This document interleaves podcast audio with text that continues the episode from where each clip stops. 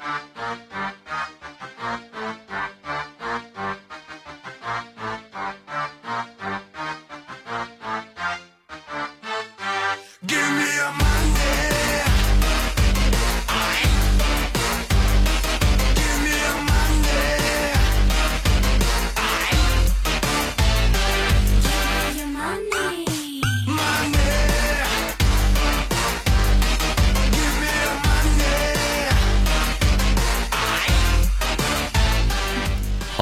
Hallo, velkommen til Dårlige venner-podkast. Eit, Rudi. God dag, og vi er kommet til episode 72. Oi, vi er i gang. Og vi har med oss Leif Munkelien fra Metalheads Against Bullying. Halla. Få en liten eh, Sånn syns jeg. Det er viktig med en, med en liten applaus. Vi har jo live audience her, som alle hører. Eh, kan jeg si en ting først? Du er på en måte en liten kjendis for meg nå. For det, du dukker opp så ofte i Facebook-feeden min at uh, ja, du gjør et eller annet riktig, i hvert fall. For det, jeg føler at det er Leif Munkelien Leif Munkelien kommer, går igjen, og så er Metalheads Gun Bulling er med på det prosjektet. Metalheads Heads Against Bullying er med på det prosjektet. Så noe gjør du rett. Ja, hva det får vi jo se om vi kommer fram til i løpet av noen minutter, timer.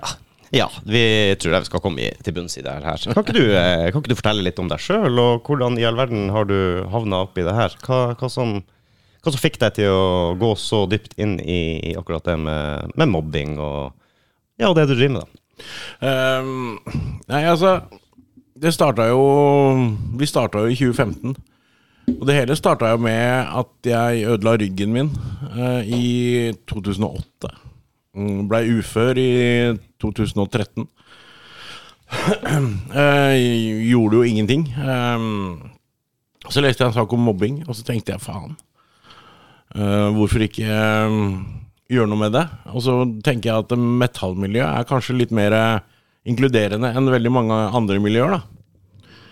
Så jeg gjorde et statement. Jeg lagde 100 T-skjorter og trykte på Metal Against Bullying ehm, for å se hva som skjedde. Mm. Uh, så det starta jo egentlig der. Um, og så har det bare egentlig balla på seg i en uh, heidundrende fart, egentlig. Ja, ok, det er litt interessant. Så du, du kom på en idé, du printa opp litt, eh, litt T-shirts, og så ga det ut dit. Se hva responsen er. Jo, så Det var litt sånn i forhold til at uh, jeg, lik, jeg liker veldig å jobbe med mennesker. Mm. planen var at eh, når eh, At jeg skulle omskoleres. Ja. Når jeg hadde den ryggskaden, men så fant de ut at det er ikke mulig å ha en stabil jobb. Um, en vellykka operasjon og en mislykka operasjon, så det var liksom ikke noe Det var ikke noe å gjøre. Uh, og så um, var jo da planen å bli barne- og ungdomsarbeider. Det skjærte seg. Så når ryggen begynte å stabilisere seg, så da i 2015, så tenkte jeg nei, nå, nå må jeg gjøre noe. Så leste jeg den artikkelen, og så tenkte jeg faen, hvorfor ikke? Mm. Og det er jo givende, i alle fall. Vil jeg Jeg vil jo si at du hoppa i det da og printa opp 100 skjorter med en gang. Altså, nå skal vi gønne på. Ja, altså, det var et statement for Ja. å se hva, hvordan miljøet takler det. Og det er jo sånn som du sier, og jeg opplever at metal-miljøet er ganske inkluderende. Eh, Jeg har jo aldri vært en sånn typisk kledd i svart type. Jeg bruker jo mye farger og alt det der, men det hadde tydeligvis ingenting å si. Det var bare ja, velkommen til oss. Ja, Du ser jo litt det på de store festivalene også. Uh, mangfoldet. Ja. Eh, og det er klart, det er jo idioter i metallmiljøet som det er i alle andre miljøer. mm. Men klarer vi å stoppe én idiot, så kommer vi langt, vi. Det er jo akkurat det. En idiot kan også lage mye støy. Ja. Over tid. Så, Så- så det er greit å få det unna med en gang. Jeg, jeg er enig med deg. Metal-miljøet er veldig inkluderende. Det er på en måte ikke inkluderende, men det er mer en sånn eh, hva skal jeg si, sånn som jeg snakka om litt før, sånn internt i metal-miljøet. Hvis du, i hvert fall før i gamle dager, så var det sånn du må i hvert fall høre på dem og dem og dem og dem og sånn og sånn, og så lo man litt av deg hvis du hørte på noe annet som kanskje ikke var innafor, eller likte å høre på P4 om morgenen. Men det var mer en sånn der eh, litt sånn skøyeraktig sak, da. Men så fort det var et eller annet, noe som trenger noe hjelp, eller Og det er ingen som er utrygg på en metal-bar, f.eks. Det tror jeg aldri jeg har sett. Folk eh, tar vare på deg hvis det skulle skje noe. I hvert fall min, eh, min omfatning, uansett hvor det har vært og reist hen i verden og sånn, at du Jeg òg, egentlig. Ja, jeg tror det. Og det opplever du òg. Jeg tror, eh, jeg tror ikke jeg har sett en ordentlig slåsskamp på en metallfestival. jeg så antydning til slåsskamp en gang utenfor Rock Inn i Oslo. Men uh, det var my mest lugging, for å si det sånn. Det var to langhåra duder. Og du har vært der sikkert 1002 ganger, da, så det skjedde én kveld, kanskje? Ja, jeg har hatt en til episode inne hvor eh, det var også antydning til bråk. Men da kom han dørvakta som, vi, som het Lillegutt på den tida. Kom, kom springende, og det ordna seg før han hadde kommet fram, for de så jo at han kom. han er jo ikke lillegutt av ingenting, ikke sant? Nei, men, altså, det skjer jo. Det er jo ikke det jeg sier at ikke det skjer. Men uh, jeg tror faktisk ikke jeg har sett en uh, slåsskamp på Altså slåss-slåsskamp på en festival. Det tror jeg ikke. At det har vært noe megling, uh, selvfølgelig. Ja, ja. det, Det, det skulle jo bare mangle. Eh, altså det er eh, sånn som på Tons of Rock, da det er um, Ja, mange mennesker var der i år. 30 000-40 000 hver dag. Mm. At ikke det blir noe uggent, det er rart. eh, men klarer du å forhindre det. Så det var jo ikke noen episoder der som eh, vi har hørt om nei. i det hele tatt. Jeg tror aldri jeg hadde en negativ tanke på festival. Altså, det, det virker for meg også som alle som er der, ønsker egentlig å ha det kult, høre på god musikk, kose seg. Eh, ja, det, det er liksom ikke så mange som tar med seg sånne negative ting inn dit, og, og at det utvikler Nei, det, seg. det blir på en måte fort utelukka òg, da. Ja, det gjør kanskje det. For det er, ikke, det er på en måte ikke akseptert. Folk er der for å ha det hyggelig. Ja. Møte venner, høre på god musikk, ta en kald en. Så får du ut mye energi òg, da, når det er såpass kraftig musikk. Ja, ja. så det er Ja. Ja. Tenkte du at, eh, at det er en fordelaktig det å ha et metal- metal-miljø rundt seg for å gå videre med, med metalheads? Selvfølgelig, du kunne ikke kalt det det uten. Men, eh, men eh, at du stiller sterkere på en måte med, med den bakgrunnen innenfor metal-miljøet, og du kjenner mye folk, du vet at, at det er gode mennesker der som er villige til å stille opp. Det har jeg aldri tenkt over, uh, egentlig. Um, altså, hovedgrunnen for navnet er jo fordi at jeg alltid har likt både musikken og stilen og, og miljøet. Eh, og googla det litt, og så, altså, det er jo ikke noe som heter det, eh, så hvorfor ikke, tenkte jeg. Ja. Um, sånn at det, men det som er litt Og det vi opplever, er jo at eh, veldig mange i miljøet har f.eks. ikke hatt det greit pga. musikksmak. Det um, Ok, ja. er det jo mange som har uh, sagt. Um, det er også mange som har sagt jeg skulle ønske dere var der når jeg var liten, eller ung. ja. Det er vel kanskje en eh, fellesnevner for mange metalheads, er vel kanskje det at man i, har blitt litt utstøtt pga. nettopp musikksmaken sin, stilen sin, kanskje. Ja, og, og mange gutter med langt hår, eh, altså den biten også, sånn sett. Eh, Det er jo Så det er veldig mange som har opplevd den kalde trakassering, da. Ja. Mobbing. Barne- og ungdomsskole, videregående osv. Mm. Jeg er jo fra bygda sjøl. Der, der følte jeg egentlig aldri på akkurat det. Jeg gjorde ikke det, men det virker det som for meg også som de fleste likte samme type musikk som meg. Jeg, Jeg vet ikke om det, det har litt med det å gjøre òg. For jeg tenker på Der jeg også kommer fra, på Ørlandet, så ganske, har det alltid vært et metal-miljø. Så du var liksom ikke utafor hvis du var innafor det metal-miljøet der.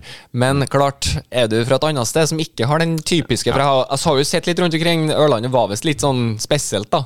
Med tanke på metal-miljøet som folk har har alltid vært der, så vidt jeg kan huske. Så kommer det litt andre steder der det kanskje ikke er så populært, og så blir du jo faktisk litt en outsider, da. Hvis du kommer med lange, svarte håret, for eksempel, og Jeg var på Ørlandet. Jeg har vært der to ganger i år. Der, For, dere. der, ja. Var og holdt foredrag på flystasjonen og var på Ørland Rockfest. Ja, ja, ja, ja. Se der. Ørlandet får du inn, vet du. Nå kommer vi opp og fram. Ja, ja, ja. Så det er hyggelig der oppe. Ja, ja, ja. ja. Får blåst, men det er kjempefint når det er finvær. Ja. enda hyggeligere når du er hjemme til jul. Selvfølgelig. Det er bra, vet du. Uh, ja, så du reiser og har foredrag og gjør litt av hvert, da? Vi gjør ganske mye. Ja. Dere gjør det. Dere, jeg forstår det sånn at det her jeg selvfølgelig sett også, at dere stiller opp på nesten alt som kan gå og krype av festivaler og konserter, og det dere har anledning til. Ja, og, og det er jo om sommeren, eh, sånn sett. Nå um, uh, I august, september, oktober, fordelt på hele organisasjonen, så hadde vi 85 reisedøgn 85 reisedøgn, ja. på tre måneder. ja. Oi. Da snakker vi sesong, i hvert fall. Det var august, august til oktober. Oi, oi, oi. Hva, hva dreier det seg om? Er det hele landet? Eh, ja. Um, inklusiv utlandet. Um, Å ja. Vi var representert på 35 forskjellige eventer på de tre månedene. Og hadde 27 foredrag. Wow. Det er er aktiv. Ja. Hva, er, et- hva, du, hva du sier på et foredrag, holdt jeg på å si? Hva er, er det liksom du fordyper deg i der? Mobbing og senskader av mobbing, og hvor stygt mobbing kan være. Og så har vi med oss eh, nå tre personer for, som forteller sin egen historie. Ok, ja. ja. Det kan jo treffe enda bedre hvis du har noen som kan fortelle sin historie om det.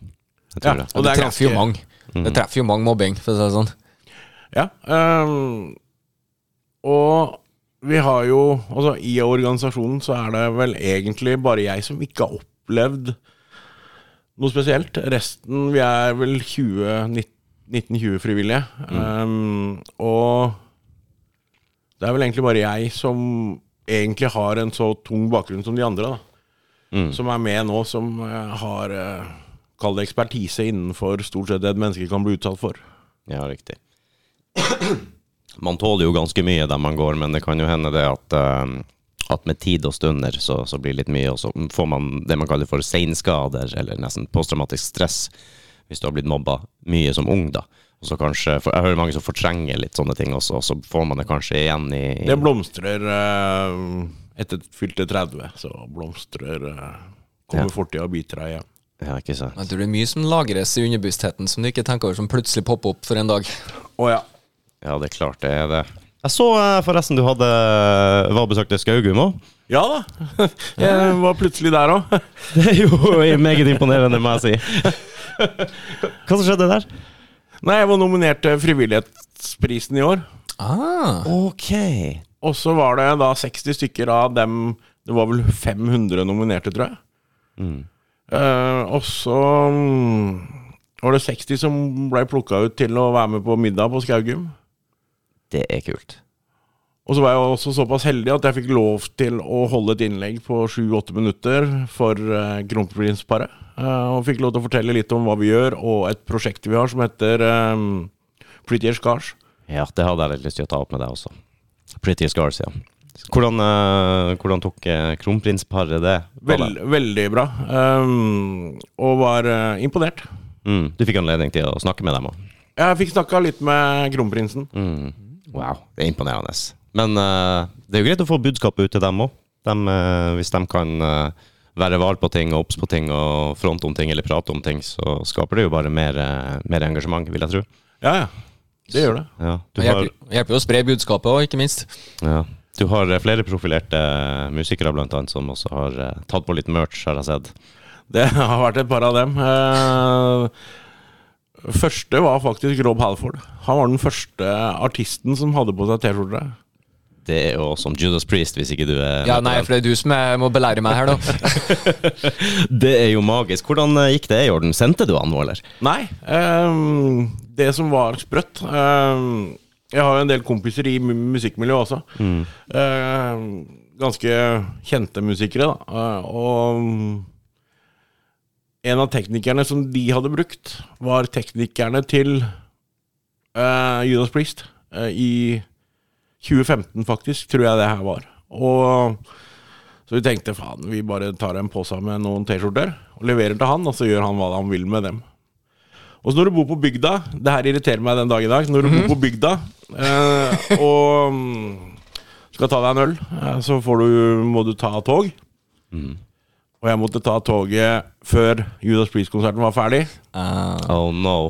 Og når jeg sitter på toget, så får jeg en bilde av uh, Rob Halford med T-skjorta på scenen. Scenen? På scenen i Oslo Spektrum, ja. Nei. Jo. Oh my god. kult. Det må jo ha vært uh, gåsehud og full pakke. Ja, eh, Det som er enda kulere, faktisk, det er at høsten etterpå, eller året etterpå, så tar han bilde med T-skjorta privat hjemme hos seg sjøl. Hey. Og på, poster på Instagram. Det er helt sykt, altså. Og vi var faktisk blant de sju første Rob Halford fulgte på Instagram. Nei. Fy faen, altså. Det, skulle hatt diplom, vet du. Og så var jeg så heldig og fikk treffe den i 2017. Du har møtt han nå? Ja, jeg fikk treffe den i Oslo Spektrum når de spilte her i 2017. All right. Hvordan gikk det, det i hop? Jeg sendte den en melding på Instagram Ja. og fikk svar uh, i løpet av fem minutter. Og sa han fikk svar, selvfølgelig. Eh, skal du stå på gjesteliste, så går du dit og dit, og så møter jeg deg i lunsjen på Oslo Spektrum. Mm. Så han, er- han er med på budskapet ditt, altså? Han er veldig med på budskapet mitt. Ja, veldig, veldig bra. Han har jo sikkert hatt sine utfordringer opp igjennom, han også, vil jeg tro. Det vil jeg tro. Uh, han kom vel ut som homofil i 83? 84? Ja. Eller var det 86? Nå husker jeg ikke. Kom han, kom han ikke ut offisielt mye senere? Eller uh, husker jeg feil, kanskje? Uh, bare sånn da Jeg ville huske at alle Bare 80-tallet i seg sjøl har kommet ut, det er jo Ja. Ja, men jeg, jeg mente det var en story der med at alle visste det, men han kom ut veldig veldig sent. Det er mulig jeg tar feil her, altså. Det, Det var vel ikke veldig mange sjokkerte. det var vel kanskje det det var, at når han kom ut, så var det ikke et Men, men jeg tror offisielt det var uh, Det var i hvert fall uh, 80-tallet. Om det var uh, um, Jeg mener det er enten 83 eller 86. mm. Jeg tror ikke jeg har hørt én person noen gang ever si Nei, da hører vi ikke på Priest, eksempel. Eller, da, eller, eller i det hele tatt heva øyenbryn- øyenbryna sine over det. Altså, det er jo noen uh, raringer rundt omkring som kanskje har et forhold til det og sier nei, da vil jeg ikke høre på musikken mer, eller Man hører jo stadig vekk om sånne ting. Men eh, jeg har aldri hørt om det. Jeg tror det Det tror jeg ikke jeg har gjort, det heller. Um, Det kan ikke jeg komme på heller, for så vidt. Eller at det har vært snakk om at det har vært noe i det hele tatt, liksom. Det var ok, han kom ut, ja, greit, han er Ja, ja, Musikken er like bra. Det jeg skal fram til, ikke sant? Musikken er akkurat like bra, han er akkurat det er vel like kul. kanskje noen av tekstene som fikk en litt annen mening, men uh, Jo, det kan godt hende. Så du fikk møte Halford på, på Spektrum. Det er jo helt magisk. Tenk å ha, ha, ha han med på laget. Merka dere noe på, på trøkket mot dere da, når han begynte å promotere litt?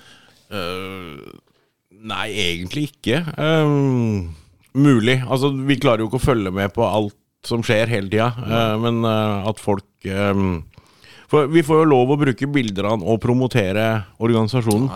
Ja, ok. Det er jo en fordel, da. Ja, så Det har vi liksom spurt om og fått godkjent om å få lov til å bruke bildene som han tok privat. da og, og det får vi lov til. Um, sånn at um, Det er litt Altså, det er veldig givende på festivaler når folk ser Rob Halford Ja. Ja. med T-skjorta, og sammen med Mikael fra Volbeat, Niklas tidligere In Flames, um, som vi har bilder av, da, som da bruker T-skjorte. Så det er klart, det hjelper jo litt. Klart det. Klart det. Det, det vil jeg helt klart. Det, jeg skjønner at det drives i stor grad av frivillighet og Ja, sånt. alt sammen drives uh, frivillig. Ja. Er, er dere en fast gjeng som, uh, som er medlem, på en måte, i organisasjonen som, som stiller opp, eller er det sånn at man kan uh, signere seg på og støtte der man møter opp der det passer, og der man kan? Eh, vi er en fast gjeng nå, mm. på ca. Ja, vi er vel 19, hvis ikke jeg husker helt feil. Så er vi 19 stykker. Ok, 19 stykker, ja. Ja. All right. Det, det har jo tatt litt av det, da, siden du sa 2015 dere starta det. Ja. Det er jo slett ikke verst, altså. Og I og med at det også er frivillighetsbasis, så er, det jo, så er man jo avhengig av folk som bryr seg, egentlig. Eh, og 22 etter på en måte at verden begynte å gå mot det normale igjen, så har det jo også skutt veldig fart. Ja, det har jo det kanskje sammen med alt annet som også har skutt litt fart med underholdningsbransjen og konserter og festivaler og alt det, så, så er det jo bra at dere også kan hoppe på den bølgen. Jo, altså ikke Og så har det på en måte Det virker som For vi, var såpass heldige at eh, under koronaen eh, så fikk vi gjort en del sånn én-til-én-jobbing med folk som har det tøft. Ja. Og så fikk vi på en måte promotert oss samtidig. Ehm, det som var surt Vi lever jo av å selge merch og være på de store festivalene og tjene penger. Det er det som driver året vårt, liksom. Mm. Eh, Så juni, juli, august, september til dels eh, er jo det som driver organisasjonen rundt resten av året. Ja. Eh, Sånn at det, det blei jo borte, det å reise ut og treffe mennesker. Altså Økonomien er jo veldig viktig for oss, det også, så vi klarer å få gjort det vi skal. Men det handler jo også om det å møte menneskene. Ja, det, det er klart. Merka dere nå at det var mange som tok kontakt i, under covid? At folk sleit mer da? Eh, Ikke så mye som vi forventa, men det kommer mer nå. Ah. Ok, det er litt sånn delay på det, men uh, ja, skal folk har kanskje følt litt på det. Det var, eh, og særlig på Tons of Rock i år vi, det, Jeg har aldri vært borti maken trøkk hos oss i det hele tatt. Nei. Da har dere nådd fram òg, tenker jeg, da, når det kommer så mye folk.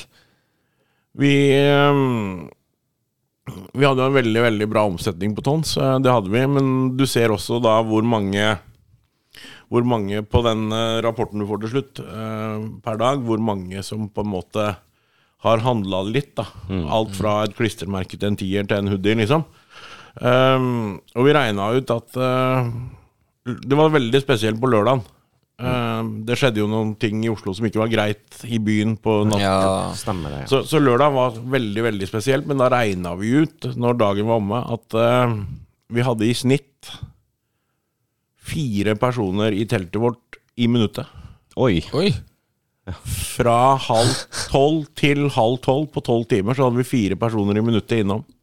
Det er ikke noe, det er ikke noe hvilehjem, altså, når dere setter det der opp. Det blei ikke det på Tons of Rock, i hvert fall. For det var, eh, det var et vanvittig trøkk. Nydelig. Dere setter opp stand med, med merch, og, og, så, og så er dere der og prater med, med publikum og gjester. Og, og sånn. Det folk, snakker folk om det når de kommer til dere, om egne erfaringer og sånn? Ja, det gjør de. Eh, og hvis du er på de sånn de mindre festivalene, eh, sånn som Carmageddon, eh, Inferno og masse Jeg husker ikke alle festivaler som er rundt omkring som vi er på, men uh, du kjenner igjen de som kommer når prateølen er inntatt. Ja. Ok. Det er mye av det, kanskje. Man må ha litt mote seg litt Ja, men det er jo litt sånn typisk at du sitter med et eller annet, og så etter noen øl, som du sier, da, så plutselig Skal jeg gjøre det? Ja. Tar du skrittet og prater. Ja, det, det er den derre Du kommer på den prateølen, Mm. og da Det er nok å prate øl på festivaler også, det passer jo. det, det er det. Nei, men altså, det er, vi, vi vet jo det at uh, At folk har kjøpt billett til en festival fordi vi er der. Ok. Eh, fordi de vet at de kan komme til oss og ikke si noe. De kan bare sette seg ned. Så, så, sånn som på Tons of Rock og alle de, de store utefestivalene. Så har vi, hvis vi har mulighet, så har vi alltid med oss et par sofaer. Mm. Vi lager på en måte en hyggekrok, da, mm. hvor folk kan eh, sette seg ned. Du kan komme inn, du trenger ikke å si noe. Du kan bare være der. Um, Du kan ta et pust i bakken. Det kan være en ekstra trygghet, da. Faktisk, på en måte Når du skal på festival, så vet du at den stand til Metal Heads Against Bullying er der. Så det, om det skulle være noe, så kan jeg faktisk søke den veien. Ja. Og du kan bare gå dit, og du trenger ikke å si noe. Du kan bare sitte der. Det er jo jævlig nice, da. At du har, har det tilbudet også. Som du sier, du trenger egentlig ikke å si noe, du trenger ikke å kjøpe noe. Du, du kommer dit, og du chiller an litt. Ja. Og det opplever øh, vi at folk setter veldig stor pris på. Um, At du kan komme, um, sette deg ned. Har du lyst til å si noe, så sier du noe. Har du ikke lyst, så sier du ikke noe. Nei. Og det er greit, liksom. Ja. Ja, Det er det som jeg syns er så nydelig med det. For jeg, liksom, jeg tenker på veldig mange som sikkert ja, kanskje sliter litt, men har ikke den derre Jeg har ikke lyst til å snakke om det akkurat nå, men jeg trenger bare ro, fred og litt nærhet med noen. Bare på en måte å få slappe av, da. For eksempel. Få roa ned, eller hva det nå skal være. Så jeg syns det er litt godt at du faktisk har den muligheten. Bare kom her. Du trenger ikke å si noe, men uh, vit at vi er. Ja. Og, og, og det er jo hovedformålet vårt, er jo å være der for at folk skal kunne gjøre det. Ja. Det, det tror jeg også er minst like viktig. Og så kanskje det er noen som uh, føler at det her er veldig givende og har lyst til å bidra. Ja, ja. Og, og det er klart, altså Vi lever jo av at folk støtter oss. Eh, Så det blir en sånn todelt hovedmål, da. Uh, Det er at vi er der for at alle skal kunne komme, sette seg ned og slappe av når Hvis det er for tøft blant folk, liksom, å ta fem minutter. Ja. Og så setter vi også pris på at folk eh, handler eller støtter oss, da. ikke sant? Mm. Ja, bare det vet du. Jeg vet jo at det er mer enn én som sliter av eh, litt sosial angst, eller du trenger kanskje rett og slett bare en ti minutter hvor du er litt i trygge omgivelser og ja, Lade opp. lade opp. Ja, sånn som jeg, da. ikke sant? Når jeg var på Manhattan i New York 4. juli skulle feires, og det var fire millioner mennesker i gatene, og det var helt kaos. Jeg trodde jeg skulle dø, rett og slett. Så jeg, holdt, jeg fant en eller annen sliten, kjempeskummel eh, metal-kjeller ute på Manhattan der et eller annet sted, og satte meg ned der i mørket med to andre metalheads og drakk øl, og der bare Her er jeg trygg, her kan jeg slappe av, her er det ikke noe mas, ikke noe støy. God musikk. Det Nei, jeg sier ikke noe støy, noen andre ville kanskje vært uenig med meg, men, eh, men liksom, det er litt sånn rart bare den trygge omgivelsen. da. Hvordan, eh, hvor, hvordan du kan slippe løs. 4. juli Manhattan, faen, det må jo være helt sinnssykt. Det var helt sinnssykt, ja. Skal jeg love deg, alle gatene var stengt, og politiet sto og dirigerte og skulle ned på brygga og se på fyrverkeri. Og det ble litt meget for han unge Sæterum fra Finnmark. Det er ikke så stor forskjell på antall Nei, nei, nei. Ikke, nei. Hva du bor på Manhattan, det er vel Ja, eh, Samme som Norge, sikkert. ja. Nei, jeg tror det er med noen millioner mennesker der. Tar du med staten, så er det enda verre. Ja. Men det er noe jeg alltid har gjort i alle store byer jeg har vært i rundt i verden. Det er liksom å sikte meg ut på, på en metal-bar eller noe sånt. Og så jeg liksom, jeg slapper av der. Jeg er jo veldig sånn at jeg, jeg liker jo Jeg får jo mye energi av andre mennesker og sånn. Så jeg, jeg bygger jo litt på denne biten her, men jeg kjenner at jeg, blir, jeg har et metningspunkt. Og da blir det nå kjempehyggelig. Trekker meg unna. Hvor du søker tilflukt hvis du, hvis, hvis du må søke til Du er en storby. Du kjenner nå er det, nå er det nok. Nå må jeg ha ti minutter her, eller en halvtime. Nei, det kan være bare et hjørne på en brun pub, det, for den saks skyld. Ja. Uh, egentlig. Bare litt unna. Bare litt sånn roligere omgivelser. Og så kan jeg lade opp kreftene til en til at nå, nå snart skal jeg være ute og være sosial igjen. Ja, Nei, det, det, er jo, det er jo alltid hyggelig å ha en sånn Kall det en fluktvei. da ja. At eh, Der vet jeg, der er en brun bule. Der er alle velkomne. Ja. Alle ser på det som det skumle. Men, eller ikke skummelt, men der sitter eh, Men der er det hyggeligst. Ja, ja. Som regel. Ja, det er jeg helt enig med deg. Det er desidert hyggeligst på, på de stedene. Hvis, eh, hvor man eh, best støtter dere, da? Hvis man skal gjøre noen Google-søk. Dere har sannsynligvis en nettside, og er det merch og donasjoner også, eller? Ja da, det er mange forskjellige måter. Altså Det vi setter størst pris på, er jo at folk sprer budskapet. Ja. Mm. altså Nå er vi totalt ca. 20 000 følgere på alle sosiale medier. Mm, det er jo betraktelig, det. Jo, samtidig så er det jo ikke spesielt stort når det kommer til den sosiale verden, da. Eh, sosiale medieverden, så er det jo ikke sånn superstort. Eh, og det er sikkert eh, For det er jo innenfor eh, Innenfor eh, Facebook, Instagram Altså vi har jo to Vi har én gruppe, en side på Instagram. Og så har vi jo flere eh, sider med forskjellige navn som, av prosjektene våre. Eh, så det er sikkert mange som følger eh, på alle steder. Men sånn tallmessig så er det ca. 20 000 som følger oss eh, via sosiale medier. Så det som er litt kult på Facebook-gruppa vår, da, der er det vel 13 000 nå. Men der er det medlemmer fra 82 land. Oi. Akkurat, ja. Ja, det begrenser seg på en måte ikke til Norge. Ja, ja, for jeg skal si det første gangen jeg hørte Metalheads Against Bullying, så var det jo Jeg trodde det var en internasjonal greie. Ja, Det var bare å, Det var jo engelsk, og det var liksom Ja, ok, det her er sikkert det. Oi, det er norsk! Kult! Mm. Jeg trodde òg det, at det var noe, noe fra utlandet som eventuelt hadde en avdeling, eller at det var noe som var starta opp i Norge på en måte. Men uh, gjorde litt research og fant jo deg og litt av historien din. og og nei da, det her er så norsk som du får det. Men eh, Det er det. du er jo internasjonal, for det det er vel ikke noen landegrenser som eh, setter begrensninger for verken mobbing eller å, å hjelpe dem som Nei. blir mobba. det er det ikke. Vil jeg tro. Det er vel ganske likt i hele verden, egentlig, og hvordan det her blir utført. Og Uff. Men uh, Prettier Scars nevnte du i sted. Ja, Kan du fortelle litt om det? Det kan jeg. Det er et prosjekt vi har som går på å dekke over arr etter selvskading. Med en tatovering. Ja, riktig. Det er, du har fått med deg noen hyggelige tatoverer med plagget, da, eller? Det har vi. Eh, Nå hadde vi prosjekt eh, Vi har det to ganger i året. Og vi hadde det i helga som var. Mm. Eh, På Årnes, der jeg kommer fra, og i Bergen. Du er fra Årnes? Ja. Akkurat, ja. Så jeg kom, eller jeg er fra Sandefjord, men jeg kom bo på, i Skaubygda rett ved Årnes nå. Ja, riktig. Eh, Så når eh, Så var det noe sykdom og sånn, så, men når helga er ferdig, så har Eller når desember er ferdig, nå, så har vi donert bort 193 tatoveringer. Wow. Se her. Oi, det, ja, få på en liten applaus for deg. Yes. Det Det er applaus, altså. Det er jo helt magisk. 193! Ja. Wow. Det, det, Jeg syns det var det er mange timer, det. Det er mange timer. Jeg syns det var litt interessant. Jeg har uh, fått uh, ikke følt på det i den fysiske forstand, men jeg har et veldig nært forhold til selvskading og depresjoner og mye sånn. Jeg har en søster som har holdt på med det i veldig mange år, i litt yngre alder. Hun er veldig åpen om det nå, men hun bærer jo preg av, av at hun har hatt selvskading på, på armer og, og bein, og det har vært sykehus og innleggelser både her og der i mindre og mer alvorlig grad. Jeg har kjørt rundt på natterstid og leita og fått eh, meldinger fra venner om at nå har det skjedd noe, så finner man dem ikke, og så ligger de på en legevakt et eller annet sted. Ja.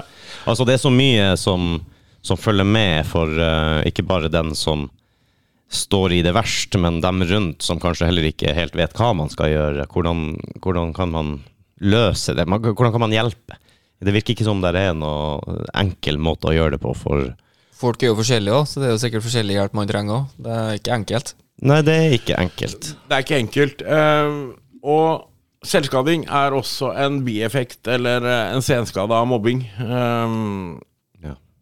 Sånn at eh, vi er veldig involvert i det med selvskading. Også grunnen til uh, Pretty Scars da Jeg så en, um, en video uh, i 2017, våren 2017, at eh, det var en australiensk tatovør som hadde tatovert en sliv eh, på ei jente etter uh, arr etter selvskading. Mm. Så har jeg en veldig god kompis uh, som uh, er tatovør. Mm.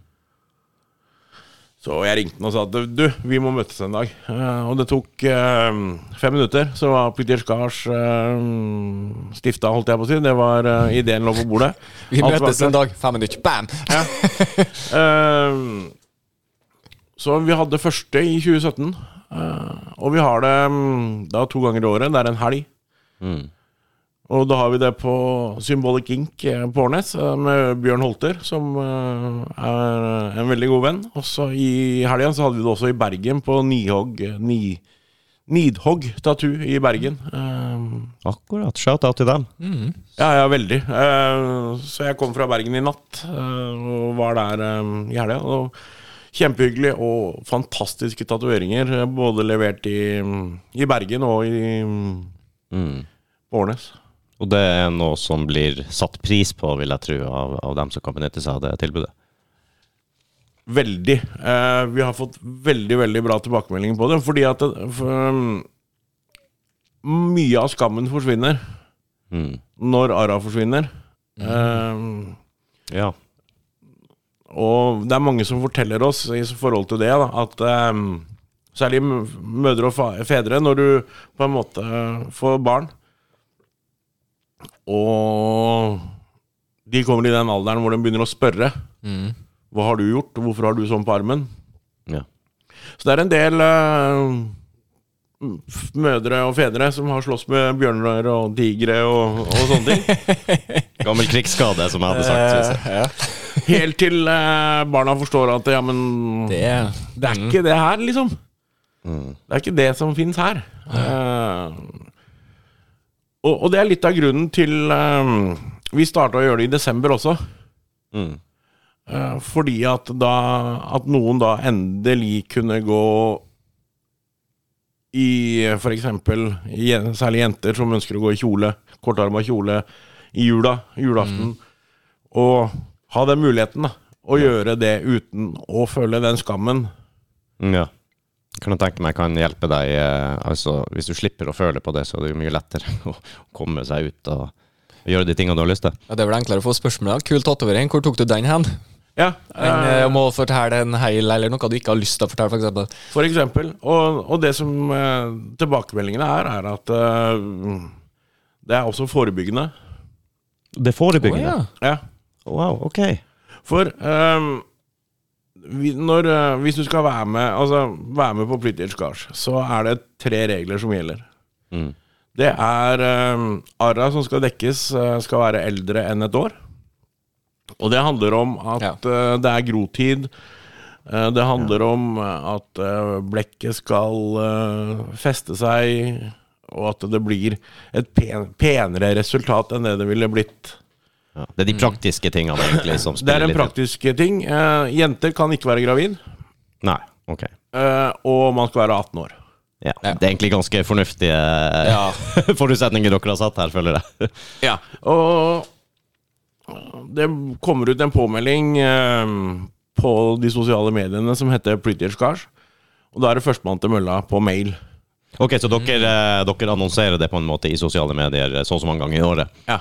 Og da er det Du trenger ikke å skrive mer enn at jeg vil være med. Eh, vi, skal, vi skal ikke høre historien, vi skal ikke se bilder. Okay. Ingenting. Eh, det er førstemann til mølla. Ferdig snakka. Mm. Og fordelen med mail da, altså det er som regel veldig stor pågang, det er at du har minutter. Sånn at du ser at eh, det er bare førstemann. Mm. Bang, bang, bang. De blir fordelt. Um, og sånn er det. Um,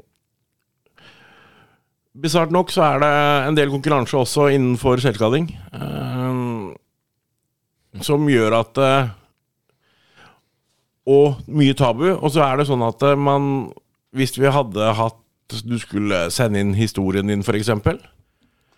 Og du ikke blir plukka ut, så er ikke historien din god nok engang. Hvis du ikke føler deg god nok. Å ja, du har tendens til å ja, grave lenger ned. Du kan fort eh, grave deg lenger ned. Eh, derfor, de tre reglene. Førstemann til mølla, ferdig snakka. Ingen historie, ingen bilder, ingenting. Det er jo litt gjennomtenkt, da. At du slipper å føle på det at det var liksom ikke ille nok. Eh, Du veit hva reglene var, at det hadde ikke noe med deg å gjøre. Det var bare at du, rakk det ikke. Ja, nemlig. Men Vi får jo også spørsmål Ja, men jeg har bare ett arr. Eh, Så hvis det er noen som har mer enn meg, så skjønner jeg at ikke jeg blir plukka ut. Vi får jo masse meldinger, ikke sant. Eh, Men om du har ett eller hundre 100 arr, spiller ingen rolle. Men er det egen gruppe her, eller er det innafor Metalheads uh, Against Nei, det er egen eh, Facebook-side Ok. eh, som heter Pretty Scars, og den finner du også på Instagram. Mm, ok. Ja. Den tror jeg jeg må inn og følge. Eh, vet ikke om jeg har gjort det ennå. Men uh, du må følge den for å få, få vært med på Jeg holdt på å si moroa, men uh, Jeg skjønner hva du mener. Det, det, er der, det, er der, det er der det blir lagt ut påmelding, og når påmeldinga starter, og hvem helg det er, og hvor det er, osv. Pretty Scars. sier det en gang til, jeg, bare for å få det ut der. Prettier scars. Ja. Stemmer det. Uh, ja, jeg, jeg, tror, jeg tror det er viktig å, å få det ut. Jeg tror det er viktig også å prate om det for dem som er på det stedet at de kan prate om de tingene. Ja. For, å, for å komme seg videre også. Men så er det jo kanskje ikke så lurt å bli spurt hva er det der, hva er de arrene, hvordan skjedde det, hva har du gjort? Du har Så- ikke lyst på en utspørring, det tipper jeg. Kanskje man, det er bedre å få fortelle det når man er klar for det, og så kan du eh, få, få patcha på noe Kules livs eller uh, en sommerfugl, eller uh, hva Ja, som altså- trengs for å Det her er jo gratis for de som, eh, som kommer. Uh, og vi har satt et, en sånn cirka-grense på 10 ganger 10 cm. mm. Eh, Så det er satt av ca. tre timer per kunde. Mm. Sånn at det er ikke noe sånn fort ferdig opplegg. Nei. 198 ganger tre timer, det blir ganske mange timer der. Det er noen timer med Og vi vet jo, for vi har jo tatovert hvor slitsomt det kan være. Vi tatoverte en kompis av oss i fylla på Twitch. Det er liksom det, liksom det vi Har det på film. Vi har tatovert folk. Uh, ja. Men det var ikke Resultat trengs ikke nevnes. Nei, jeg vet ikke om vi skal bruke det til å dekke over noe som helst, egentlig. Annet enn den moroleggen til Martin. Ja, ja. Han, hans påfunn, bare så det er sagt. Ja. Min søster, eh, som jeg nevnte i sted, shouta til Sara. Hei. Uh, Jeg får lov å snakke om det. Uh, og det skulle bare mangle. Hun flytta til Sandefjord og bodde der i noen år, og der vant hun faktisk åpenhetsprisen i Sandefjord for eh, nettopp at hun har vært så aktiv og prate om det og de tingene. Ja. Og selvskading. Og det er klart, hvis du er på det stedet at du kan prate om det, så kan det kanskje være veldig godt for folk å høre om det. Vi har fått eh, ganske mange eh, historier. eh, og tilbakemeldingene fra tatovørene uh, sier jo at det her er noe av det bedre veldedigheten de gjør. Jeg vil jo tro det er litt givende. Du veit du hjelper. Veldig givende, og så er det veldig slitsomt. Mm, ja. Du er ganske tom i hu huet når, uh, når helga er ferdig. Det kan jeg tenke meg. Uh, mange inntrykk, det er mange følelser. Det er mye følelser i sving. Um, Og den kan jo kanskje også komme når man sitter der og ja, Du blir jo sikkert mentalt sliten av alt det her òg. Du, du bryr deg jo, du er jo empatisk menneske, og da kommer det så mange historier, vil jeg tro, da. og de digger det og vil være med gang på gang på gang på gang. så, for, det, for det gir så mye, da, er det de sier. Ja. Og det er jo folk, kanskje folk man kan ha med seg videre også, som eh, vet hva, hva det her innebærer, og hva det kan gjøre med folk, og hva man kan bidra med når man sjøl er på et bedre sted, og kan bidra. Og så ser du jo det på, på kundene som får det. At eh, de lyser opp når ting er ferdig, og de er kjempefornøyd. Ja, så klart det. Kanskje selvtillit og lysta til å være der ute. Som du sier, kanskje ta på deg eh, litt korte armer og fine klær og, eller whatever, da. Får du, får du noe kult å snakke om istedenfor. Ja. Ja, ja, ja. Så kult at eh, du, du hadde fått med folk i Bergen òg, sa du? Ja, eh, var i Bergen i helga. og Nidhogg eh, Tatostudio var med i helga. Ja. Får håpe at det her er noe som, eh, som sprer seg rundt. Jo flere tatovører som er med, jo flere kan få ja, Nå er Bergen med. Kom igjen, Trondheim, step up! Trondheim. Ja. Jeg vet ikke om det er Jeg har ikke noe sånn lokal uh, tattostudio i Finnmark. Som Det er ikke kan, Lakselv-tattoo, altså. Nei, jeg, jeg tok jo uh, den på Trines tattoo i Hammerfest i sin Trines, tid. ja. Trines tattoo, det var den, eh, den første jeg tok, egentlig. Men uh, jeg vet ikke hvem som er der nå. Men det er utrolig bra tiltak, da. Og de eh, selvfølgelig gjør det ut av egen tid og, og lomme. Vi betaler, eh, altså Metal Against Bullying betaler tatovørene en eh, viss sum eh, Ja. for eh, Selvkost, sikkert. Ja. sånn. Det vil jeg tro. Det vil jeg tro. Så, men jeg kan gå inn uh, Jeg ville bare få det fram, folk som vil hjelpe til, om det er økonomisk eller å kjøpe merch. Det finner de på, på nettsidene deres. mm, Ja, hvis ikke jeg husker helt feil, så skal du finne det der. Mm, da skal jeg gjøre Det det. er vel bare å google Metalheads Against Bulling, vil jeg tro, så vil det vel dukke opp noe. Jeg vil tro det, altså. Jeg vil tro det. Jeg skal i hvert fall sørge for å få ut budskap og linke til i episodene våre og alt det også. Men du, jeg så dere har en julekalender på gang òg. Ja. Det er jo litt fun- funny, da. Det, dere har fått med dere noen på laget. Så, Det er alle som er i Altså de fleste av oss i organisasjonen som lager en julekalender. så det er medlemmer i organisasjonen, ja. Som eh, presenterer seg. Ja, så det. og, og så skal vi også presentere prosjekter vi kommer til å ha i 23. Mm. Fantastisk. En fin liten idé. Ja, Får- får gjør, det, gjør det litt annerledes. Eh. Du får en historie liksom hver dag, da. Fra, jeg var så inn på noen av dem som har kommet også nå, så Ja, Noen velger å si historien sin, andre sier 'god jul'. Eh, Det her er eh, Ja, ja, ja. Men Her er alt åpent, eh, og folk vil eh, hva de er trygge på sjøl, i forhold til det også mm, Om du bare sier 'hei, jeg heter Leif', og 'god jul'. Mm. Og så kommer vi fram til å Eller vi presenterer også det vi skal gjøre. Vi skal gjøre en det blir jo østlandsturné eh, i hele 23, hvis planen går etter eh, Ting går etter planen, heter det. ja. Planen går etter tingen. Ja. og da skal vi mm, eh, være på mm, et kjøpesenter i uka og prate om mobbing. Rundt omkring Det blir vel fra Hamar og ned til Skien, tenker jeg. I 23. Ambisiøst, da. Et uh, kjøle, kjøleskap, hører du. Et kjøpesenter i eh, uka. Er du klar over hvor mange kjøpesentre det er? Ja, det er, nei, det er ikke. Nei, du er ikke klar over det, nei. Nei, jeg vil tro det er ganske mange. Uh, det er en som bor oppe på Lørenskog her. Og vi fant ut at eh, bare der. innen tre kvarters kjøring da, fra der han bor, Mm. så dekker han et år aleine med en gang i måneden på kjøpesenter. Da dekker han ikke alle engang. Det er altså en jobb å gjøre. Men jeg tenker Midt i Lørenskog, det, det, det er jo ikke mange meter der. Det er jo Triaden og Metro og Strømmen. Så det er jo veldig nære der, altså. Nemlig. Ja. Trenger ikke gå langt heller. Nei. Nei, nei, nei. Og da kjører dere det på litt samme prinsipp det, som på en festival? Nei, da kjører vi bare um, at vi er der, um, og folk kan komme og prate med oss om mobbing. Mm. Blir det noe slags stand-aktig, eller er det Nei, det blir en Kall det en infostand, da. Ok, ja, rett og slett. Ja. Hvor folk kan komme og, og prate med oss. Um, om For vi um, Vi starta jo også noe som ikke er gjort, så vidt vi vet, i Norge før. Uh, du var inne på det i stad. Uh, alle blir påvirka rundt uh, ting. Uh, så i um, 1. november i år så lanserte vi den Norges første um, pårørendegruppe av mobbing. Pårørendegruppe, ja. Ja. Mm, det er interessant. For det er ikke bare Det er ikke bare den som blir mobba, som er påvirka av det. Nei. Det er hele familien, Ja, Og kanskje flere og kanskje flere. Ja. Så det påvirker veldig mange, og det er ikke veldig mange som tenker på. Nei. Det er sikkert mange fortvilte foreldre eller brødre, søstre osv. Ja. Ja. Hvordan får du holdt jeg på å si, hvor du kommer inn i den gruppa? Er det, er det en Facebook-gruppe, eller er det Facebook og Instagram. Facebook og Instagram? ja. Og Der kan man melde seg på hvis man er, hvis man er pårørende, rett og slett. Ja.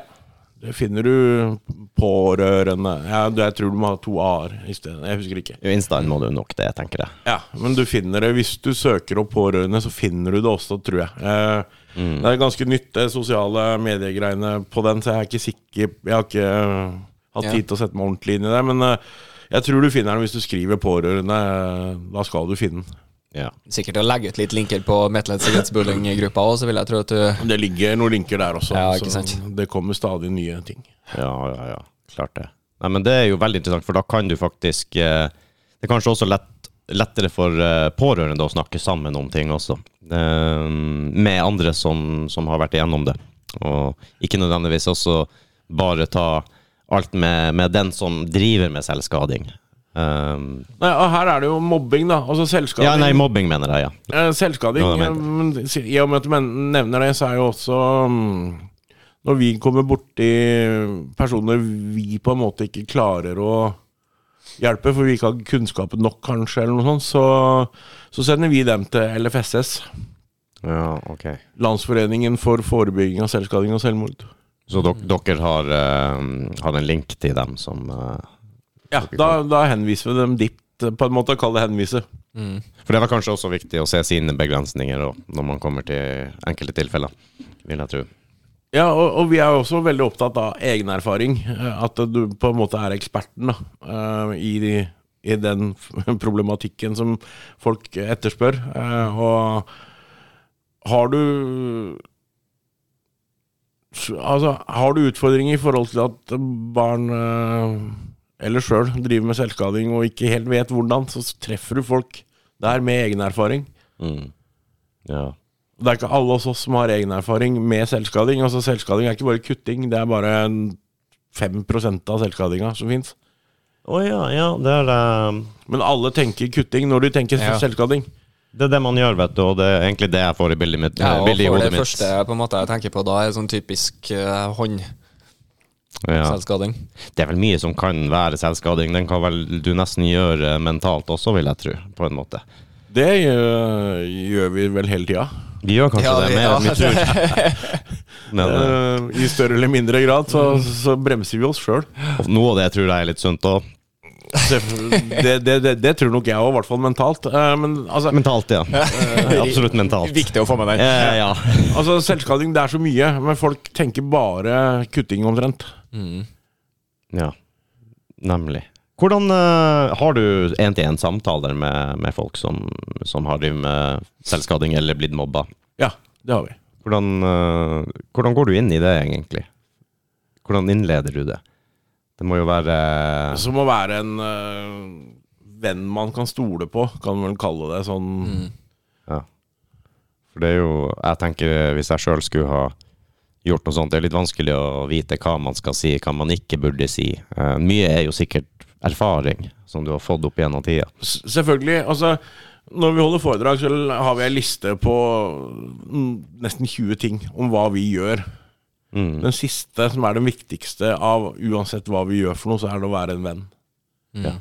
Altså en du kan ringe, en du kan sende en melding til. En, altså, vi har en, øh, en Snap-kanal som blir veldig godt brukt, øh, som er forskjellige snappere på hver dag.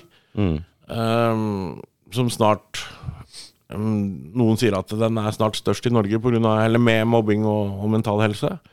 Vi har ikke noe offisielle tall på det, så vi vet ikke. Eh, men det er veldig mange som er veldig glad i den snappen vi har, for der tar vi opp problematikken og sånne ting. Og, og sender inn melding.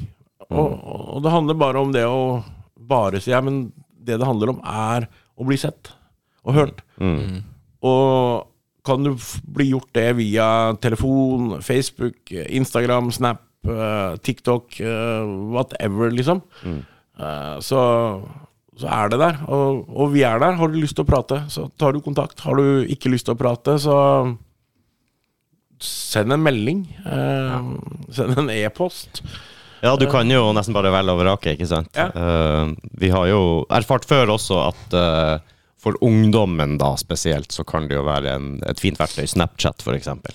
Å bruke, sånn som sexologen, ikke sant? Som Ja, vi ja. pleier, å Tone Haldorsen som vi har hatt innom flere ganger, hun får jo også henvendelser på Snapchat eksempel. Folk som har spørsmål, kanskje ikke Så er de kanskje litt mer anonymisert, da, så de tør å spørre om spørsmålene. Ja, ikke sant? Du, eh, på Snap så kan du jo sende anonyme meldinger. Mm. det godtar ikke vi. Eh, og, okay. og grunnen til det er at eh, vi er, eh, det er så mye stygt som foregår via de anonyme appene. Eh, så det kan nok hende den blir litt begrensa på det, men den smellen får vi ta.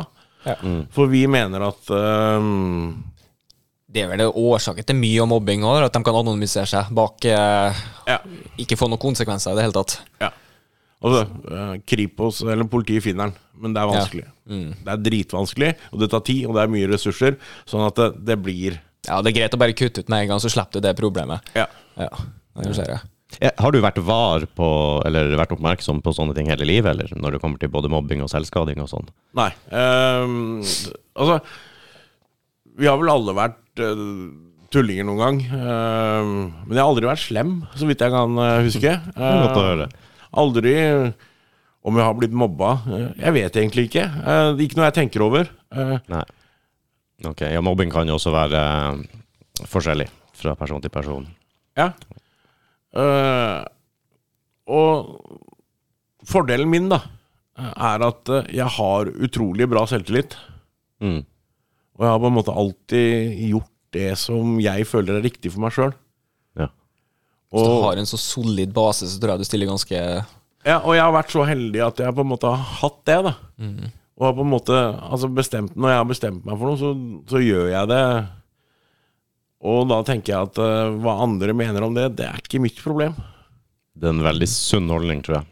En holdning som kanskje ikke Kanskje ofte kommer litt for seint i livet. Føler jeg. Og jeg, og jeg vet at det er, det, det er noen som er Kall det sjalu da, på akkurat at jeg har den selvtilliten. Men jeg har alltid vært sånn, føler jeg. Så jeg har liksom ikke Så om, har, om noen har uh, slengt dritt eller sånn, så har de helt sikkert gjort det. Eh, Men da har det på en måte sklidd igjennom. vann på gåsa.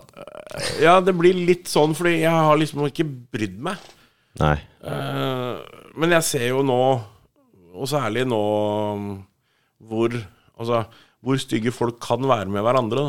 da Ja, det er helt forferdelig. Men du kan jo være en inspirasjon for andre, vil jeg jo tro, når du kommer med den sjøltillitsgreia at uh, jeg gjør det jeg vil. Så hva du bryr deg om det, det er ikke så farlig. Jeg bare gjør det jeg vil fram til her, og noe fornuftig. Så vil jeg tro at det kanskje smitter over på noen andre som ser at faen, du gjør jo det. Det kan jo egentlig jeg òg gjøre. Og, og det, det gjør jeg nok også. Eh, men greia er jo det at eh, altså, vi mennesker er jo sånn eh, Et av de slagorda vi bruker på, um, på foredragene våre, hva andre vil si. Mhm. Det er fire ord som knuser veldig mange drømmer. Ja. Ja. Det er det. For det her har vært kult, men hva vil de andre si? Jeg, jeg dropper det her, tar gjør noe annet. Ja. det, ja. Og, og en ting som veldig mange som ikke brydde seg om hva folk sa, og som enten har lykkes og, eller trives veldig godt i livet sitt, de gjør det de har lyst til, og da, i, mine, i mitt hode, så har du lykkes da. De, Det er jo det første de sier. Ikke hør på hva de andre sier. Gjør det du har lyst på, og gjør det på den måten du vil gjøre det på. I den grad du får det til, da, selvfølgelig, men mm. brenner du for noe, gjør det. Det, det Sånn som det prosjektet vårt her, har jeg fått høre mer enn én gang at herregud, at dere gidder det. Og det første, første folk spør meg som regel, er jo hvor mye penger vi tjener på det. Ja, liksom ja, for sånn jeg tenker penger med en gang, ja. ja, så sier jeg, vet du hva, eh, vi tjener ikke et rødt øre på det. Vi har egentlig foreløpig aktivt gått inn for å ikke tjene penger på det. Ikke sant? Vi har ikke aktivert de funksjonene og aktivt gått ut. Det, det, da blir det en annen greie. Jeg sier ikke at den døra er stengt for alltid, men da blir det også, føler jeg sjøl, mer forventninger til meg sjøl. Mer eh, du, du må liksom føle, Men vi har jo fått forespørsler. Ja, vi absolutt. Men eh, vi liker å kontrollere det sjøl. Ja. Det er det vi vil. Det er det vi vil, og uh, det er det vi har lyst til. Og så lenge det gir oss en god følelse, så lenge det gir meg energi, så lenge jeg syns det er gøy, så tror jeg, tror jeg det er det rette å gjøre, uansett hva de andre sier. Ja. For å være så enkelt. Men det er så gøy å få inn eh, forskjellige mennesker, altså som deg og da, Leif, og sexolog, og folk som er rockere, og folk som er, eh, elsker Grand Prix, og det, det er litt så forskjellig, og du, få det store kontaktnettverket. Jeg blir glad jeg får en ekstra energi av å bare bli kjent med nye folk. Så for min del så er det her eh, Jeg får ikke noe lønn, men jeg får lønn av får meg energi og blir kjent med folk, rett og slett. Og, og det, er på en måte også Ikke på en måte, men det er det som er drivkraften vår også. Um, til tider så er det jo ekstremt mye. Um, Ja, det hører jeg jo. skulle til å Ut ifra alt du sier. Ja. Jeg skulle også til å si det i stedet. Du jeg, tror, jeg, jo jeg tror jeg har vært hjemme 18 timer siden tirsdag. jeg. Ja, riktig. Ja. Jeg er kanskje litt mer hjemmekjær enn du. Men det er tydelig at du brenner for det. Det er ikke noe tvil om at du brenner for det, siden du legger igjen så mye av deg sjøl i prosjektet. Og så har jeg jo vært såpass heldig at jeg har fått med meg personer også som virkelig brenner for det. Eh, og, Og som er flink, det må han jo være. og som også ser engasjementet og smitter og, og, og liksom Jeg hadde jo aldri klart å sitte her i dag med den aktiviteten som har vært i 22 uten å ha med meg de andre.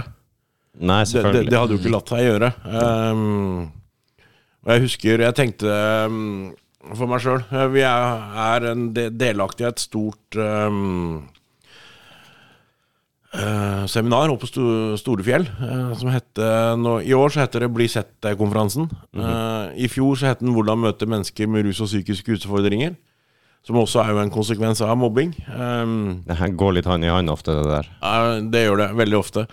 Og når, oppe, når vi var oppe der i år, og det var første gang vi var så mange representert fra oss, da, selv om vi er medarrangører, liksom, så um, da, da følte jeg meg jævla stolt over den gjengen som var med, eh, i forhold til hva vi har gjennomført i 22, da. Ja. Og fortsatt har på plakaten ut året. Ser ikke ut som det, det minsker av eh, oppdrag, oppmerksomhet og, og de tingene. Nei, eh, og det er jo takket være alle som er med nå, som, som pusher og, og bidrar hele veien. Mm.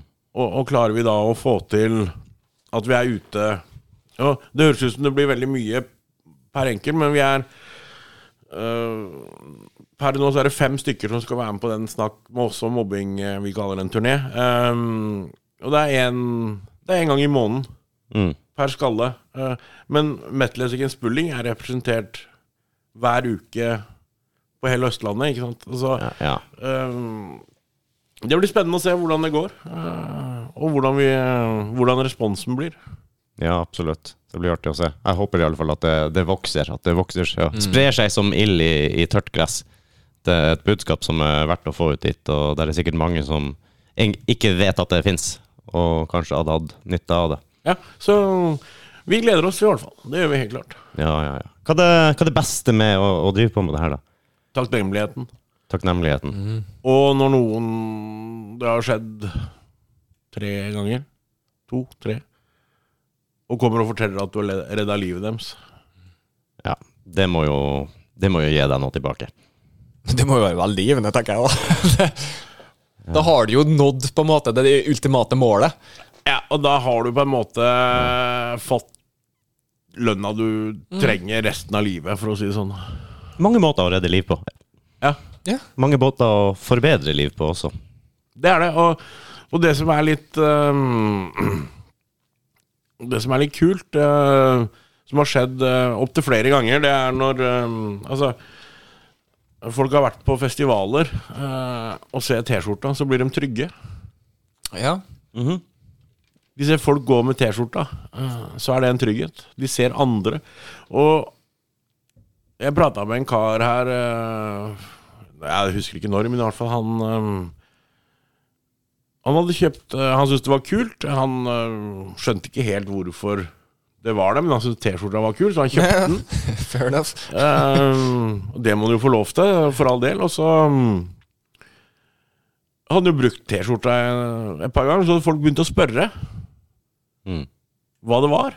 Og så visste han jo ikke hva det var, for han hadde jo egentlig bare kjøpt den og syntes det var en kul T-skjorte. Og budskapet Han sa jo budskapet var jo kult, men han hadde ikke tenkt noe mer på det. Han tenkte bare at eh, Ja, det, det var noen som hadde laga noe som var kult. Ja, ja. Og så begynner han å undersøke, og så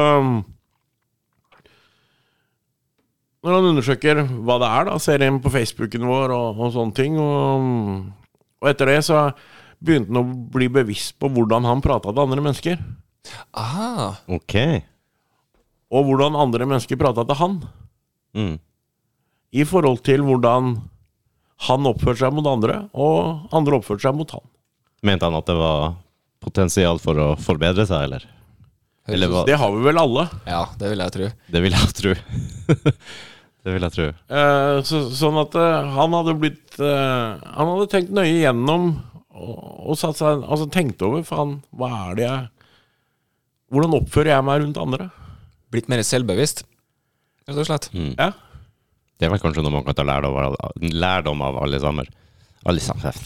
Jeg kan ikke prate i dag, jeg. Men, men eh, det er jo noe man er ofte Det håper jeg de fleste er veldig var på. Jeg, jeg vet utmerket godt hvis jeg har gjort noe jeg ikke burde gjøre. Altså sagt noe jeg ikke burde sagt. Eller eh, Nå skjer ikke det heldigvis altfor ofte, håper jeg. Men, Nei, eh, men man vet det som regel sjøl. Det kan være ting som glipper, selvfølgelig, som folk tar på en måte som ikke du Følsomt tema, plutselig så overreagerte du. Ja, ikke sant? Og Det, det kan også gå Altså Folk spør meg hva er mobbing. Ja, hva er mobbing? Er ikke litt individuelt?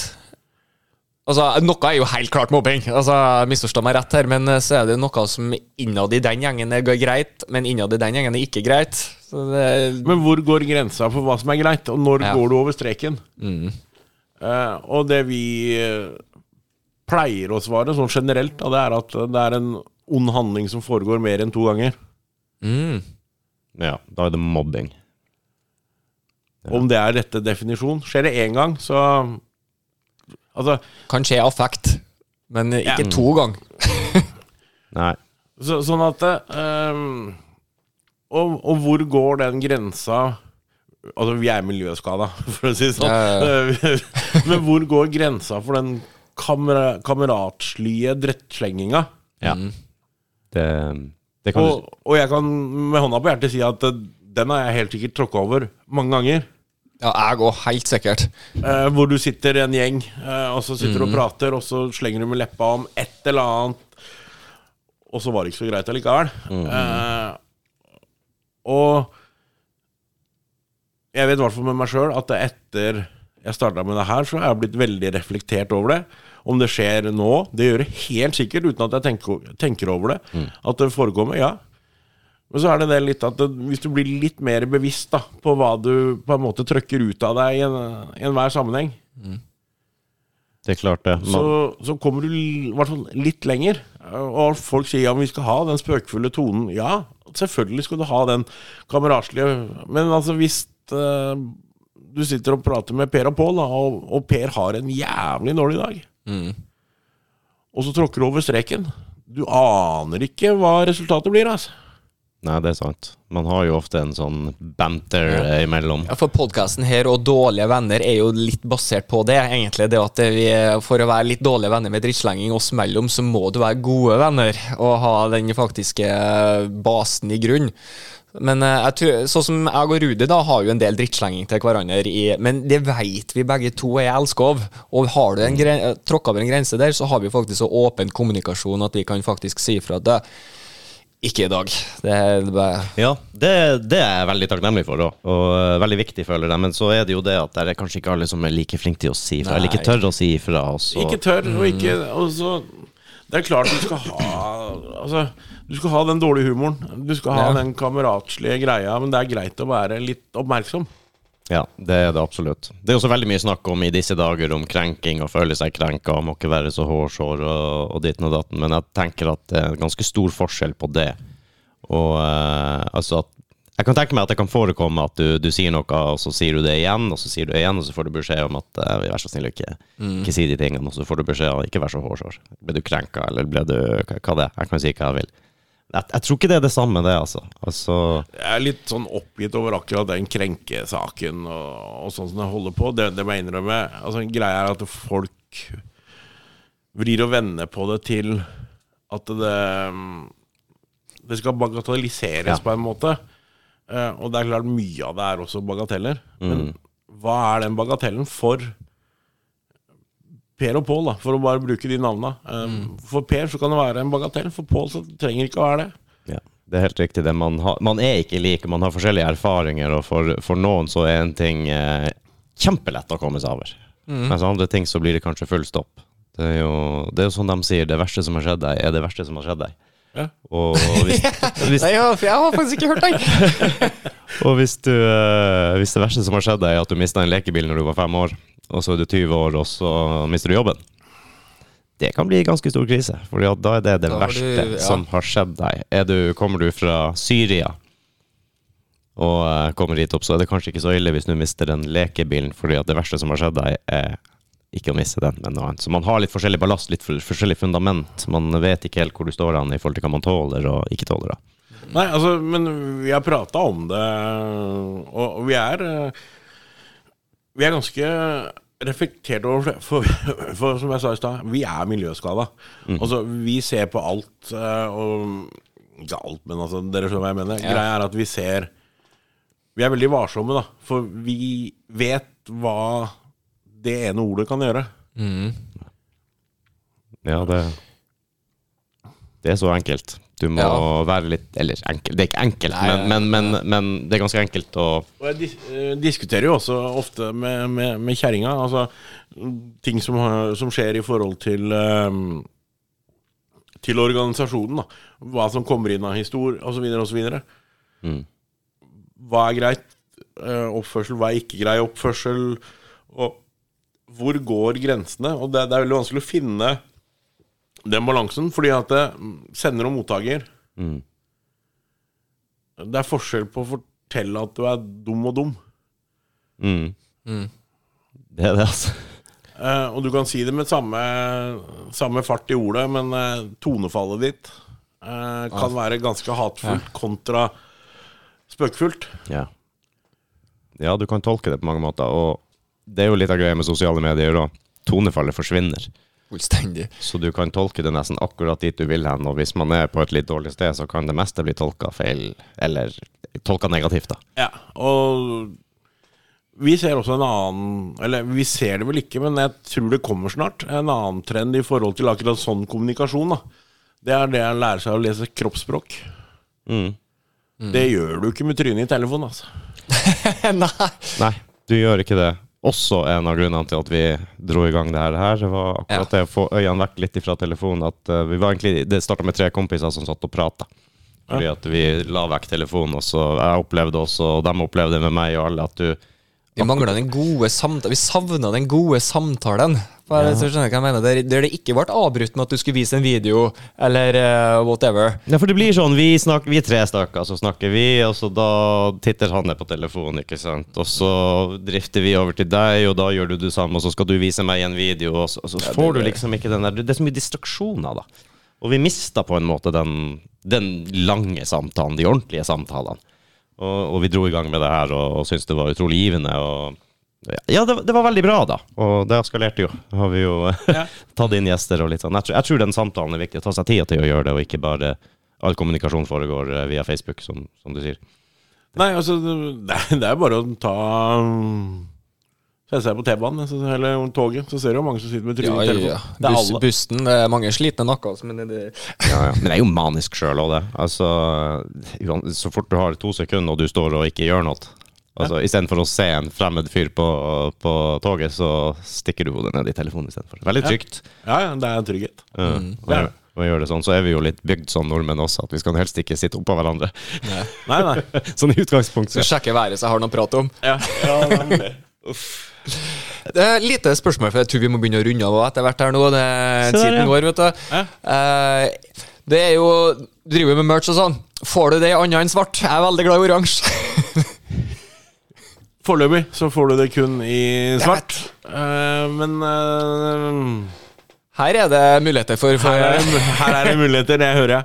Mm. Her har du litt å gå på, vet du. Få en Ja. oransje sortiment. Kun til For eksempel Uh, Størrelse lang slamp.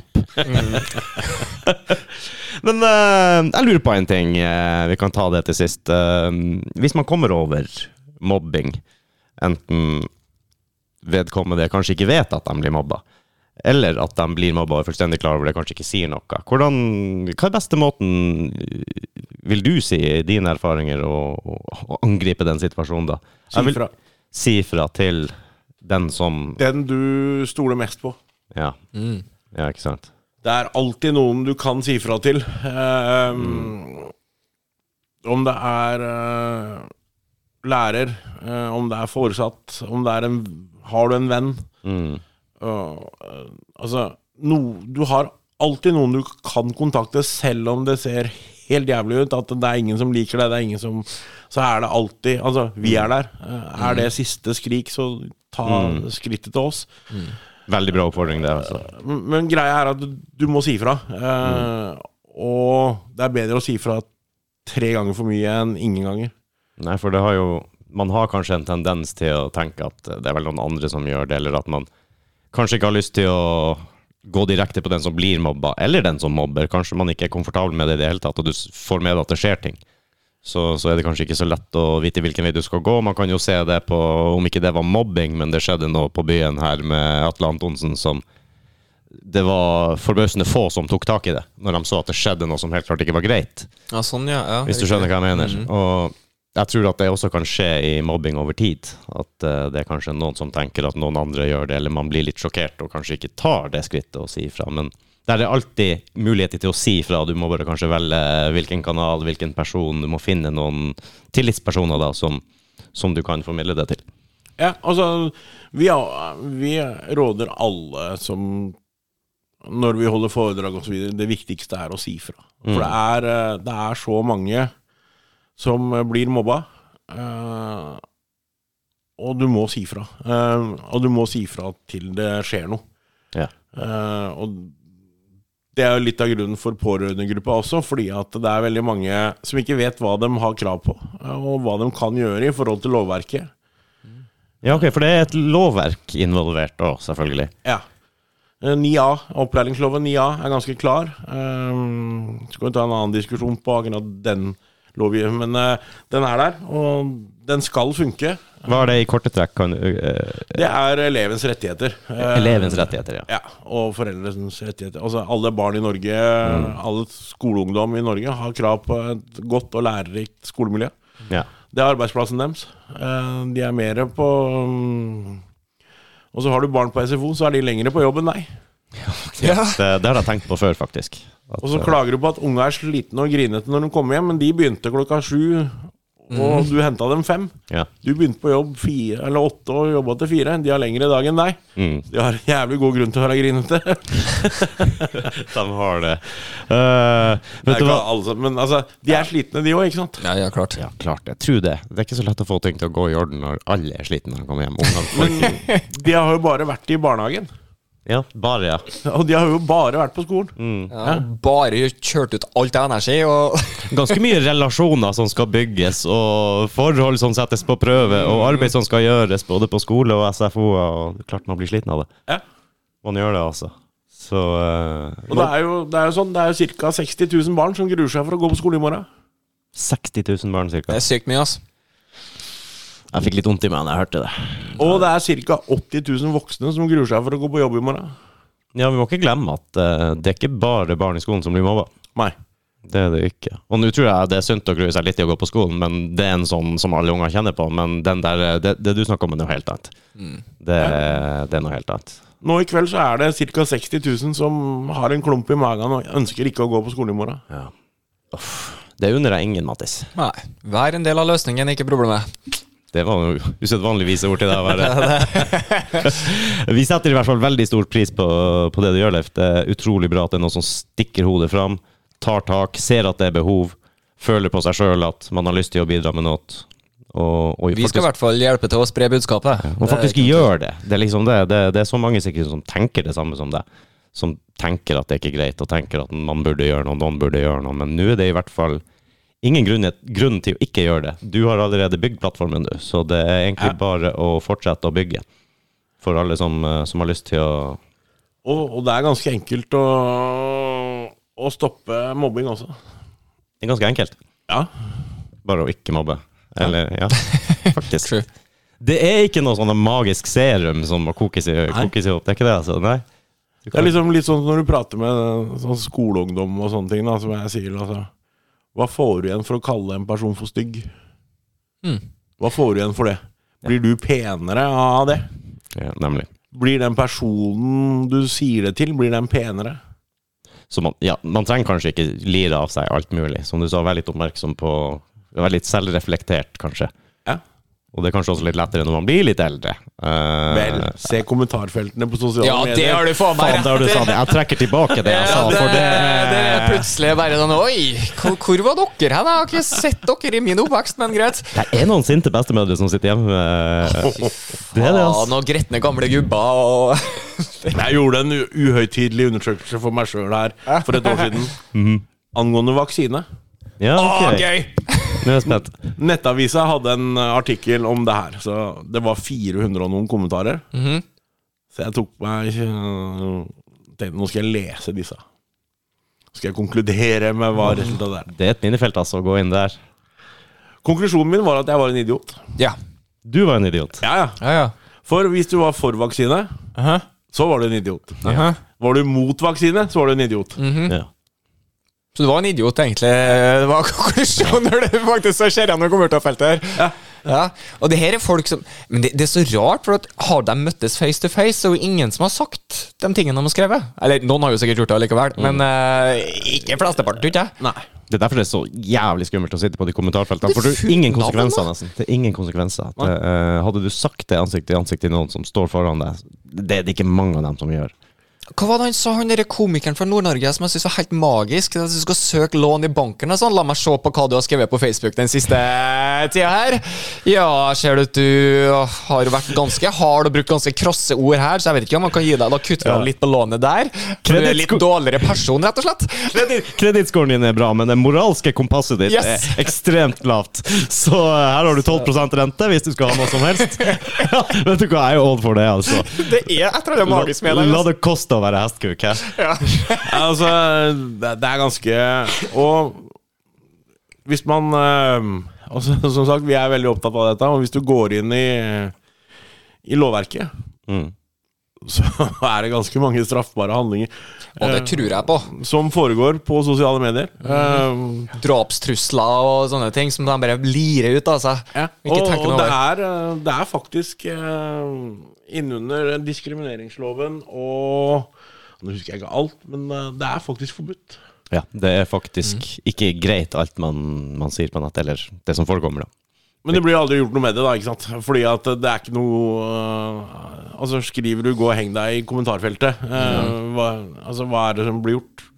Men det er så barneskole, ungdomsskole, føler jeg, å si Eller skrive noe sånt. For det var det du hørte når du var ung og dum og ikke skjønte konsekvenstenking konsekvenstenking. du har blitt en voksen person, og likevel Men hadde du stått 20 stykker i et rom, og en hadde sagt høyt til den andre 'gå og heng deg', du, så hadde mest sannsynligvis 18 stykker stått der og eh, Hva faen? Ja, hva er det som skjer nå, ikke sant? Men i kommentarfeltene så har du ytterpunktene fra hver side, og folk som kanskje kunne megla eller ser ting fra begge sider, eller respekterer at andre har en mening, de går ikke inn i de kommentar kommentarfeltene og engasjerer seg i stor grad. Det, og det blir litt sånn Ja, du har valgt å være en offentlig person, så det her bør du tåle. Ja det, Den blir, lagt, øh, den blir lagt bak seg. Altså, uavhengig av politikk, da, øh, og LAN Mm. øh, Det er vel ingen, så vidt jeg vet, som har fått mer dritt på sosiale medier enn en, enn henne. Og, og selv om du, er, om du er enig eller uenig om politikken, da altså, Den oppførselen som er rundt i sånne kommentarfelt, Mm. det er ganske fantastisk, altså. Ja, det er helt eh, altså, Veldig godt eksempel, for jeg har sett det mange ganger og bare rista på hva de holder på med. For jeg er ingen MDG-er, på Nei, nei, nei, nei. ingen sett og vis.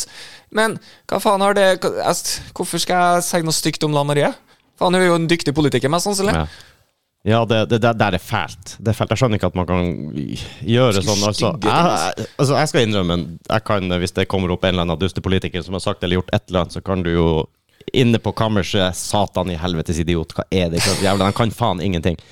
Men jeg går ikke og uh, det, det blåser jo ut, og så er det over om ti sekunder, sånn som er normalt. ikke sant? Og så tenker man litt og reflekterer litt, og så bygger man på det igjen. Men hvis Og i beste fall så kommer du tilbake. Han hadde kanskje et poeng òg, forresten. ja, ikke sant? ikke sant? Den der første instinktive raseriet du har, det, det kan moderere seg litt. Men hvis det da det eneste du har tilgjengelig, er et tastatur og, og et kommentarfelt Du har ikke Ja, jeg kan ikke liksom spare med Mattis, eller også Jan ja, du Rudi, nå må du eh, men det, altså, nå- det skjedde i 17. mai i år. 18. mai sto det en svær artikkel i VG.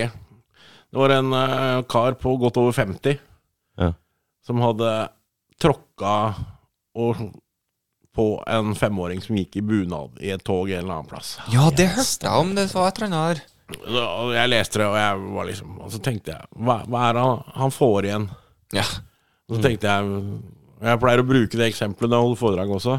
Tenkte jeg, altså, du, du er dritstolt fordi du har tråkka på en femåring når du er over 50 år, og kommer og skal grille etter 17. mai og liksom sitter der og skryter. Fy faen, vet dere hva jeg gjorde i 17. mai-toget i dag, eller? Ja. Fy faen, jeg skjelte ut en femåring, jeg. altså. Ja, way, way to go! Det var kult, altså. Jeg følte meg så bra Fy faen, jeg var så kul! Ja. Man må jo lure på da tenker jeg liksom, hva er det du får ut av å, å tråkke ned en femåring, da? Ja, liksom generelt sett, egentlig. Jeg tror det er lite reflektering der av den personen. Ja, jeg tror det er det. Så, så egentlig så håper jeg ikke han var veldig stolt av seg sjøl. Jeg håper de har noen våkenheter pga. det der. der. Eh, at man er såpass at eh, Burde kanskje ikke Ja, jeg vet at alle kan si feil ting til feil sted og Ja, feil ja. tid. Og det, det, man ikke, du skal ikke dømme folk ut av en kommentar eller en ting de gjør en gang. Og jeg er ikke den samme personen. Prøvde å være artig, oi, bomma totalt. Det har vi alle gjort. Ja. Ja, ja, ja, og vi utvikler oss jo hele tida. Du er ikke den samme som du er for 10 år siden eller for 20 år siden. Nei. Man eh, har bygd seg litt takk og lov for det. Takk og lov for det. Ja, på noen ting. Ja, ja. Nei, men nå skal vi vel prøve å avslutte igjen, da. Ja, ja, ja. Det blir jo ivrig, vet du. Superinteressant det her. Jeg må bare si tusen takk igjen. Det var helt fantastisk at du tok deg turen opp hit, gadd å snakke med oss. Og igjen, det du gjør, utrolig viktig budskap og utrolig viktig jobb. Og jeg håper at uh, dem som hører og ser, også uh, tar og sjekker dere ut på sosiale medier, på hjemmesida. Kanskje det er noen som er interessert i å kjøpe litt merch. Komme innom uh, Kanskje det kommer andre farger etter hvert. Kanskje det kommer andre farger. og uh, ikke vær redd for å, for å ta kontakt med dere på stands og hvor det måtte være. Overhodet ikke. Nei. Det er eh, om ikke annet et hyggelig sted å slappe litt av. Ja, helt klart. Og sjøl om vi heter dårlige venner, så vær en god venn. Vær- en- Vær en god venn. Vær en god venn, gjør det. Og sjekk dem ut, som sagt. Takk for at dere hørte på. Takk for at du kom. Tusen takk for at jeg fikk lov til å komme.